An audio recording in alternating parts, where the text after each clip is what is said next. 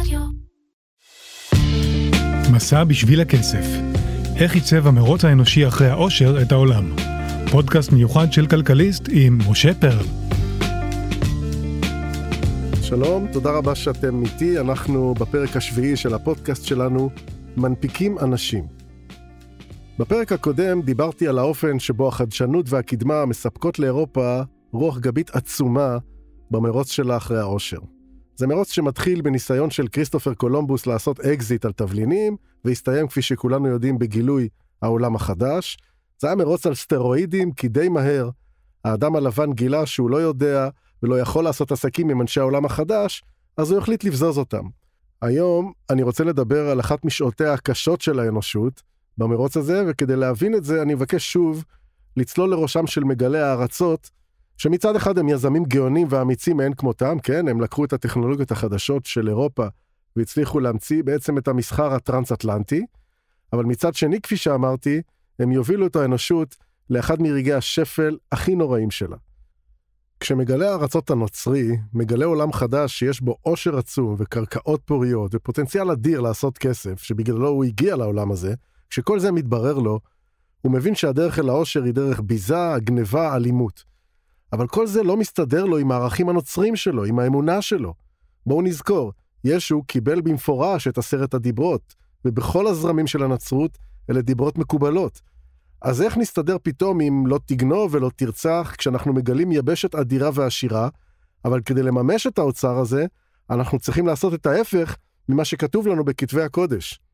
בואו נחשוב רגע מתוך הראש של מגלי הארצות. מה הם רואים בעצם כשהם נוחתים בארצות יבשת אמריקה?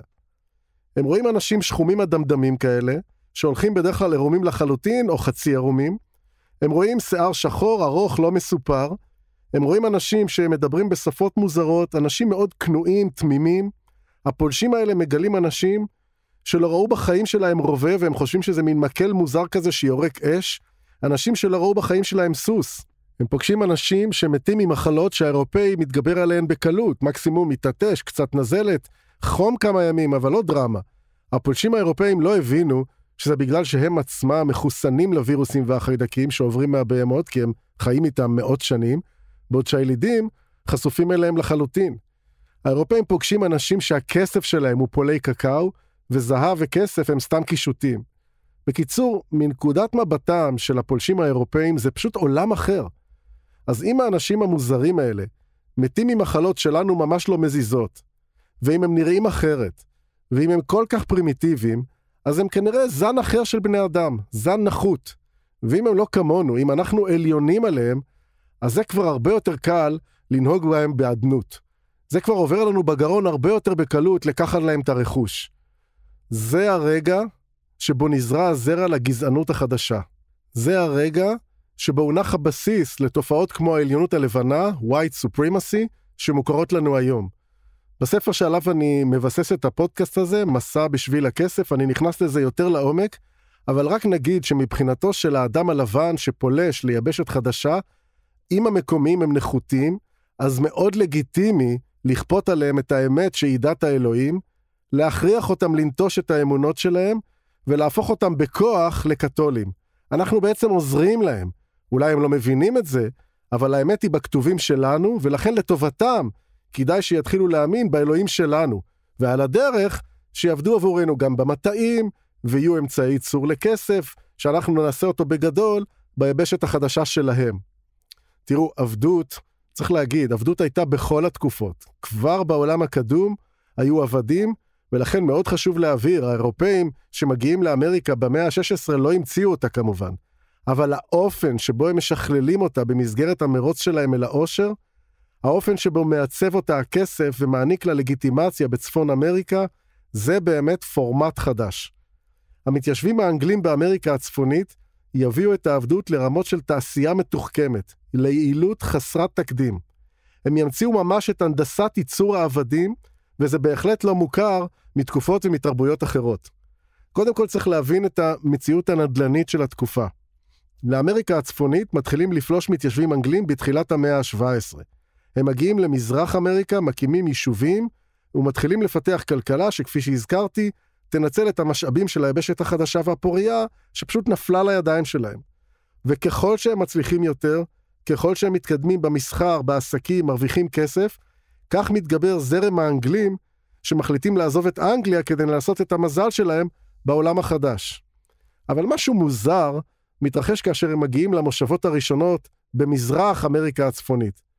בהתחלה הם מחפשים עבודה אצל הוותיקים, אלה שכבר התבססו ומנהלים כאן עסקים משגשגים, וכל פעם כשמציעים להם ג'וב, הם דורשים שכר מאוד מאוד גבוה.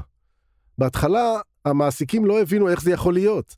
מה עמדת המיקוח שבחור שהגיע מלונדון וחושב פתאום שמגיע לו שכר גבוה בהרבה ממה שהרוויח אצלו במולדת? איך הוא מעז לדרוש את הסכומים האלה? אבל אז מתברר שחוקי הכלכלה עובדים גם בעולם החדש. המתיישבים החדשים הבינו די מהר שממערב ליישובים שהוקמו כבר על ידי הוותיקים, יש אזורי ספר אדירים.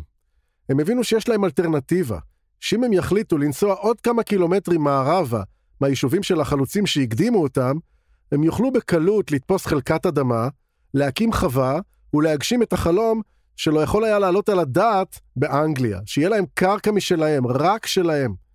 במצב הזה, היה הגיוני לבקש שכר גבוה מהמעסיק בווירג'יניה או במסצ'וסטס, כי האלטרנטיבה הייתה די קורצת. אלה היו הימים שבהם נולדה תרבות הספר באמריקה. מי שלא קיבל שכר גבוה שהתאים לציפיות שלו, נדד מערבה, תפס שטחים, והחל לפתח חיים במקום שבו אין חוקים, אין כללים, אין התיישבות.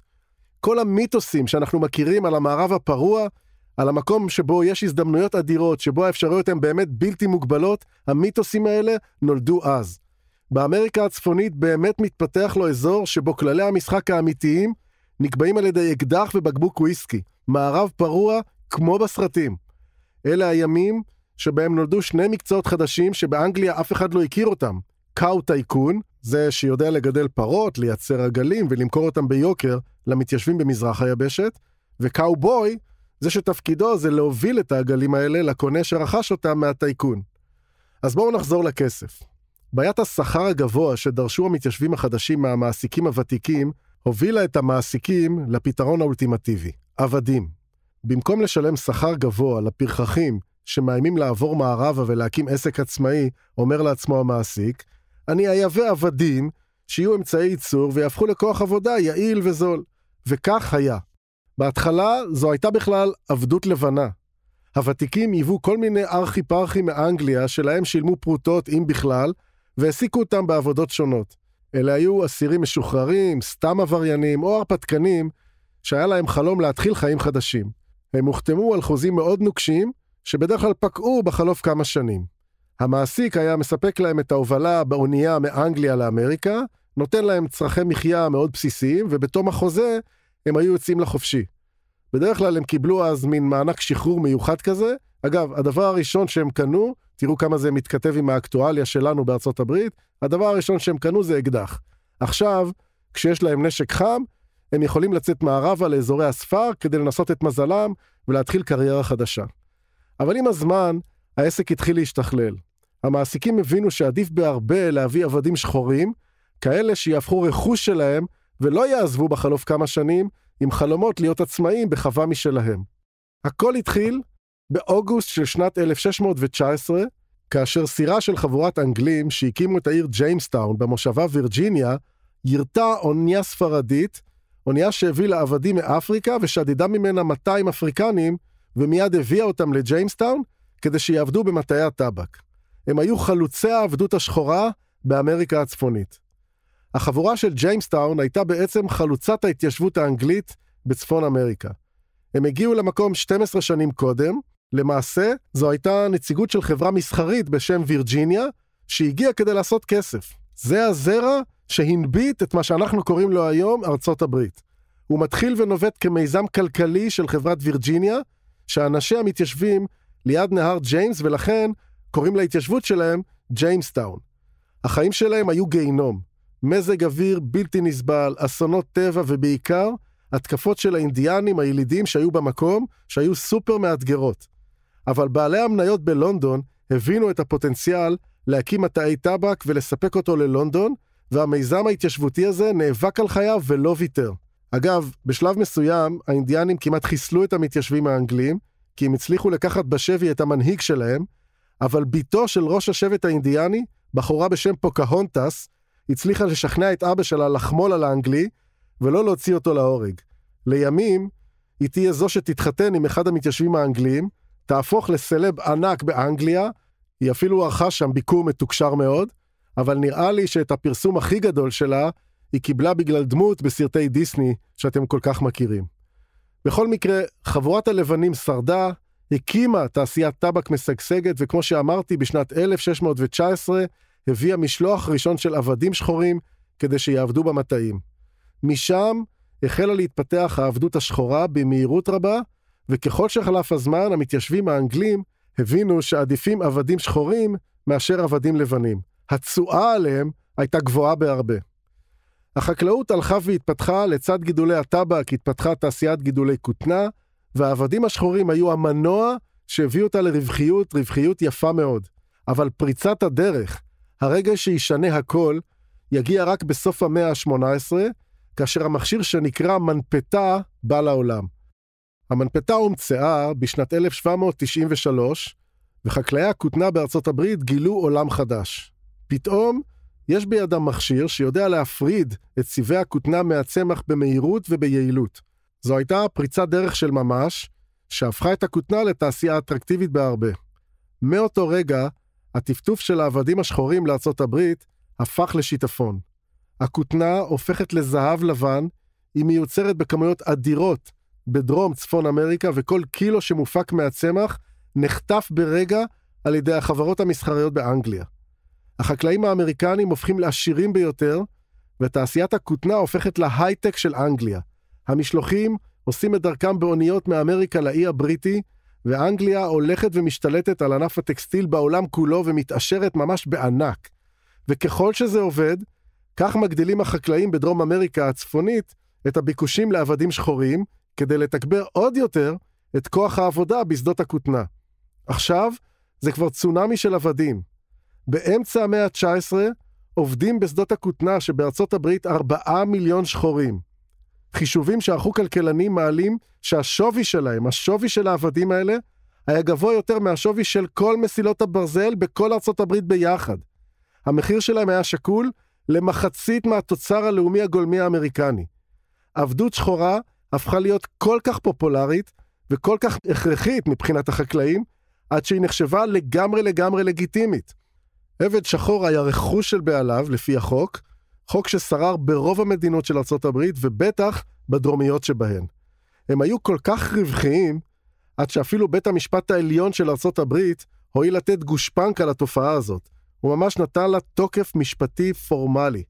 ואין כמו סיפורו של דרד סקוט כדי להבהיר עד כמה זה זרם, ממש זרם בעורקים של אמריקה. סקוט היה בחור שחור, שנולד לשפחה בווירג'יניה, ובעצם הוא היה עבד כל חייו. הבעלים שלו ניהלו עסק בווירג'יניה, ואחר כך במדינת מיזורי, ולא הייתה כל שאלה לגביו. עבד, פשוט עבד. בשלב מסוים, עברה משפחת הבעלים שלו לוויסקונסין. סקוט שמע שבמדינה הזו העבדות איננה חוקית, כן? לא כמו בווירג'יניה ולא כמו במיזורי. בוויסקונסין העבדות לא הייתה חוקית, ולכן הוא מיהר להגיש עתירה לבית המשפט, ודרש להשתחרר, לצאת לחופש. הוא אמר, מקודם הייתי עבד by the law, פה העבדות היא לא חוקית, אז נא לשחרר אותי. המשפט הזה ישגע את ארצות הברית במשך שנים. אף אחד לא ידע לאכול את התביעה שלו. התיק שלו עבר מערכאה לערכאה, מבית משפט לבית משפט, משופט לשופט. נדונו בו מיליון סוגיות עקרוניות ופרוצדורליות. זה היה תפוח אדמה לוהט, שאף שופט לא באמת רצה לפסוק בו. בסופו של דבר, הגיע התיק לבית המשפט העליון של ארצות הברית. הוא ישב בהרכב שבראשו נשיא בית המשפט העליון באותם ימים השופט רוג'רד טוני. בחודש מרס 1857 התכנס ההרכב הבכיר של שופטי העליון בארצות הברית כדי לתת סוף סוף פסק דין. אמריקה עצרה את נשימתה, כי כולם, באמת כולם הבינו מה מונח כאן על הכף. תעשיית ענק, כסף גדול, כלכלה של מדינות שלמות. ומה מחליט בית המשפט העליון? הוא מחליט שהוא לא מוכן לדון בכלל בטענות המשפטיות של דרד סקוט. למה? כי עבד הוא רכוש של בעליו, ורכוש לא יכול לתבוע את הבעלים שלו. מבחינת בית המשפט העליון בארצות הברית של המאה ה-19, סקוט היה כמו מזוודה של הבעלים שלו. זה שהוא עבר עם המזוודה הזו ממדינה שבה העבדות חוקית למדינה שבה העבדות איננה חוקית, עדיין לא מאפשר למזוודה לתבוע את הבעלים שלה. בקיצור, תביעתו של סקוט נדחתה. את תעשיית העבדים שלהם ניצלו האמריקנים כמו שרק הם יודעים. הם פיתחו הנדסת ייצור של עבדים. הם המציאו מקצועות חדשים כמו משגיחי עבדים, הם פיתחו שיטות עבודה וניהלו את המכונה הזו שנקראת עבד כדי להפיק ממנה את מירב התשואה. באמצע המאה ה-19 הייתה התפוקה של עבד שחור בחקלאות האמריקנית גבוהה ב-400 אחוזים מהתשואה שהצליחו להפיק ממנו בתחילת המאה. באמריקה כמו באמריקה, ידעו פשוט לסחוט את הלימון הזה עד הסוף. וכשזה נראה על סף מיצוי, הפך העבד השחור בארצות הברית מאמצעי ייצור למוצר עצמו, ולא סתם מוצר, למוצר פיננסי נושא תשואה, כמו סוג של מניה. זה מתחיל מסוגיית הנדל"ן שדיברנו עליה. העובדה שהשטח כל כך גדול, שמלאי הקרקעות באמריקה הוא פשוט אינסופי, הפכה שם את מחיר הקרקע לזול ביותר. בעצם, לא היה לה כמעט ערך כלכלי. אז מה עושה חקלאי שמגדל כותנה, יש לו הזמנות בהיקפים אדירים מאנגליה, והוא רוצה לקחת מהבנק הלוואה כדי לפתח עוד חלקות כותנה. הבנק מבין מצוין שעסקי הכותנה הם טובים, אבל הוא צריך בטוחה להלוואה שהוא מתכוון לתת לחקלאי, והקרקע לא יכולה לשמש בטוחה כזו. כשאנחנו לוקחים משכנתה, משכון, כלומר הבטוחה לבנק, זה תמיד נדל"ן, הדירה או הקרקע או שניהם. למה? כי הבנק יודע שתמיד הוא יוכל למכור אותם אם הלווה לא יחזיר לו את הכסף. בארצות הברית של המאה ה-19, הבנקים יודעים בוודאות שהקרקע שהחקלאי רוצה למשכן היא חסרת ערך. כפי שאמרנו, יש המון המון קרקעות, אין להם כמעט ערך. אז מה תהיה הבטוחה? העבד כמובן. כך קורה שהחקלאים מתחילים למשכן את העבדים שלהם כבטוחות. בשלב הזה תתפתח לה תעשיית דירוג עבדים מטורפת. ממש כמו שהיום, חברות דירוג מדרגות מניות, אגרות חוב, או כל מוצר פיננסי אחר ונותנות להם ציונים, כך נולדות חברות דירוג עבדים שנותנות להם ציונים, הערכות. הרעיון הוא לדרג את העבד לפי השווי שלו בשוק. עבד צעיר למשל, יהיה שווה יותר מעבד מבוגר ולכן הוא בטוחה טובה יותר. שפחה צעירה עדיפה על מבוגרת, כן, היא פוריה, היא יכולה ללדת, היא עדיפה הרבה יותר כי היא תייצר לה בעלים של עבדים חדשים. עבד שעמד בפני מחלות במסע שלו מאפריקה לארצות הברית, יהיה שווה הרבה יותר כי הסיכוי שיחלה הוא נמוך, הוא הוכיח עמידות. בקיצור, יש חברות מקצועיות שמדרגות עבדים לפי ציונים ושמות עליהם ממש תוויות של שווי, כמו כל סחורה בשוק ההון. אבל יש בעיה. גם אם הדירוג של העבד סופר גבוה, מה יקרה אם הוא יברח? אם הוא יירצח, מה יבטיח אז את החזר ההלוואה שלקח החקלאי? הפתרון לבעיה הזו מכניס לשוק העבדים שלנו את חברות הביטוח. הן מתחילות להציע לבעלי העבדים פוליסות ביטוח מיוחדות, שיבטיחו לבנק שנותן להם את ההלוואה, שגם במקרה שהעבד למשל יברח או ימות, הביטוח ידאג להחזיר את ההלוואה. ממש כמו שאתם עושים היום ביטוח מבנה לדירה שרכשתם, כי הבנק שנותן לכם משכנתה דורש שתבטחו את הבטוחה שלו, כך מהנדסת אמריקה את שוק העבדים. אבל זה לא יעצור כאן. בשלב הבא יהפוך העבד למוצר פיננסי מושלם. שוק ההון פשוט ינפיק עבדים. איך זה עובד? תחשבו על בנק שרוצה לגייס כסף מהציבור ופונה אליו כדי לקבל הלוואה כנגד איגרת חוב שתונפק לו. הציבור שמח לרכוש את איגרת החוב, כלומר לתת לבנק הלוואה, כי זה בנק, זה מוסד שנחשב עם כושר פירעון וכולי וכולי, אבל למרות הכל, הציבור חושק בביטחון כלשהו שיגבה את איגרת החוב.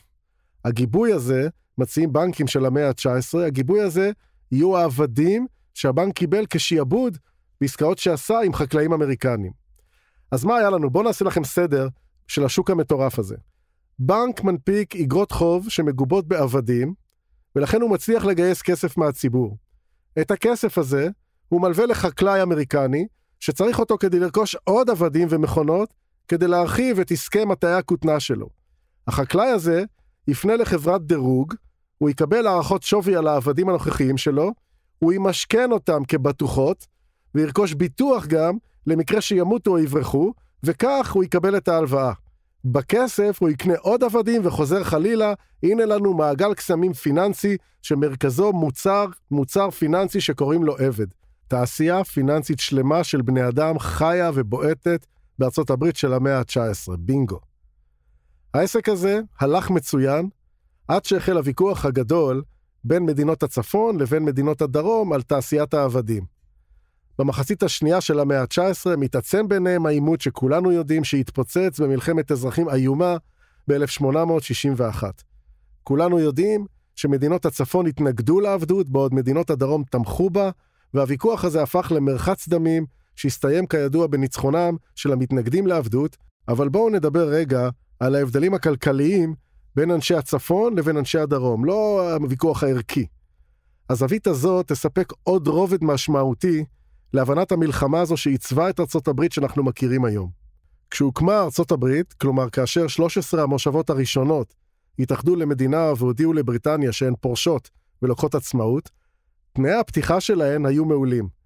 הם יצרו הסכמי סחר בין אחת לשנייה, הם הסדירו את המיסוי, הם בנו מערכת מאוד מאוד טובה, שאפשרה לכלכלה שלהם לצמוח, ולארצות הברית להתפתח מהר, להיות חזקה. זו הייתה ברית כלכלית, ולא רק ברית חברתית בין מושבות שונות. אבל ככל שחלף הזמן, התברר שהמאפיינים היסודיים של המושבות שהתאחדו למדינה אחת, המאפיינים האלה הם שונים מאוד.